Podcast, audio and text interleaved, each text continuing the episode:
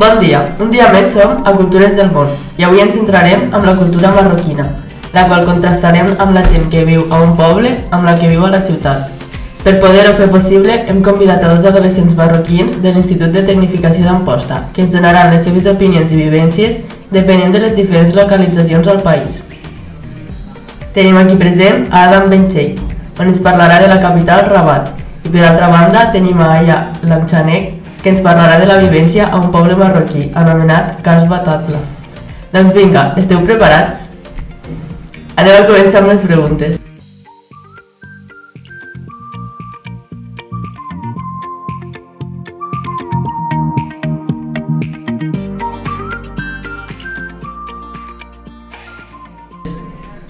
La primera pregunta és, quines tradicions o costums teniu per part de la vostra cultura? Les porteu a terme a casa o a la família o teniu alguns altres costums dins de casa? Bueno, en un principi el cuscús eh, es menja el diumenge, però això a casa meva, saps? Eh, també m'agradaria dir que la més comuna dins de la religió seria, i en els països musulmans en general, seria el Eid, en la qual eh, podem sacrificar el corder per a menjar-lo i donar-li als pobres eh, que, no, que no han pogut comprar-lo. Bueno, per a començar, al Marroc, en el meu cas, eh, és costum menjar cuscús i a casa meva el mengem els divendres. També hi ha molts altres plats típics que mengem a casa, com el tagín. Quan a celebracions, en tenim dos que són molt importants per motius religiosos, la celebració del final del Ramadan i la de sacrificar el corder. De tots aquests costums, hi ha algunes que esteu en contra o no us agradin molt? Eh, bueno, a mi, jo per general, eh, no, no tinc ningú en contra i m'agraden molt totes.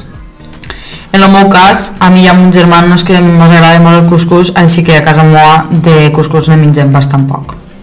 La gent diu que quan la gent de pobre arriba als 18 anys se'n volen anar a viure a Espanya i treballar allí. Penseu que és veritat? Si ho penseu, per què? Bueno, jo tinc una anècdota i que la gent sí que es pensa que viure a Espanya és millor.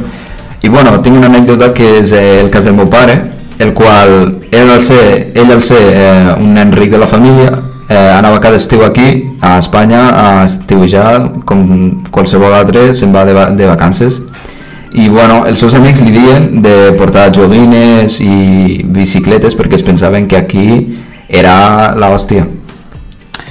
Eh, sí, jo crec que és veritat, perquè allí la de natalitat és més alta i així que els joves que no veuen com introducció al món laboral perquè hi ha més gent que llocs de treball, així que emigrem aquí a Espanya.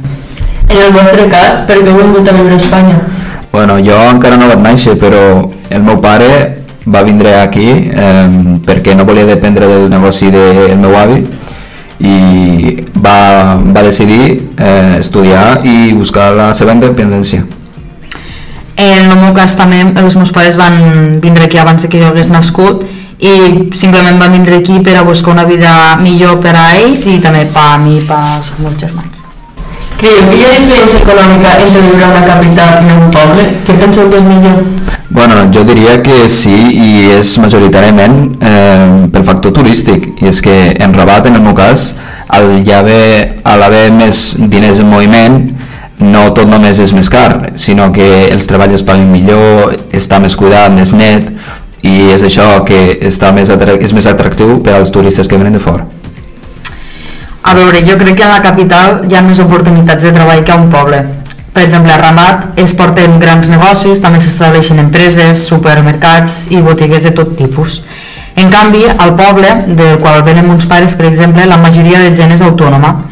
Això és que cadascú es crea un petit negoci, ja sigui per a vendre aliments o roba. Aquesta gent sol passar el negoci als seus descendents o a alguns familiars. Però està clar que quan els joves van a buscar un treball no ne troben perquè hi ha més habitants que llocs de treball.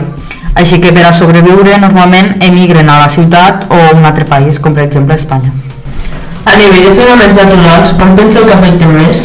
Eh, bueno, jo penso que afecten més a les dues parts per igual, sobretot a les més caloroses, eh, més en concret a l'origen d'on és el meu avi, West Desert, o Marrakeix, però sobretot va, va afectar a la població pobra, van sofrir molt. Jo no n'havia sentit mai de cap fenomen fins aquest estiu, perquè va hi haver un terratrèmol que va afectar a tot Marrakeix i els seus voltants que es va arribar a sentir a gran part del Marroc. Crec que va afectar a tothom, però sobretot a les zones rurals. Per finalitzar amb aquesta part de les preguntes, us hauria agradat néixer a una altra part del vostre país? Per què? Bueno, jo en el meu cas no, perquè de part de pare eh, vic a Rabat i de part de mare estic a un mini poblet que la gent allí és molt humil i em sento bé on estic. Jo he nascut aquí a Espanya, però sí que m'hagués agradat que mons pares haguessin vingut a alguna altra part del país. De ser possible, alguna part en platja i a més jocs per a visitar com ara museus, perquè al seu poble no tenen cap tipus d'interès i estos m'interessen molt. Aquesta cultura és una branca molt àmplia i ens podem parlar de molts aspectes. Hem pogut veure les diferències entre viure a una ciutat i un poble i les diferents formes de pensar. Fins aquí el programa d'avui. Si voleu saber descobrir altres cultures que conviuen amb nosaltres, ens veiem la setmana que ve, com sempre, a les 5 de la tarda. Qualsevol qüestió, dubte o suggerència, ja ho sabeu. Ens podeu trucar al 684 326 798. Repeteixo, 684 326 798. Enviar-nos un SMS. Moltes gràcies als nostres invitats i al públic. Fins aviat.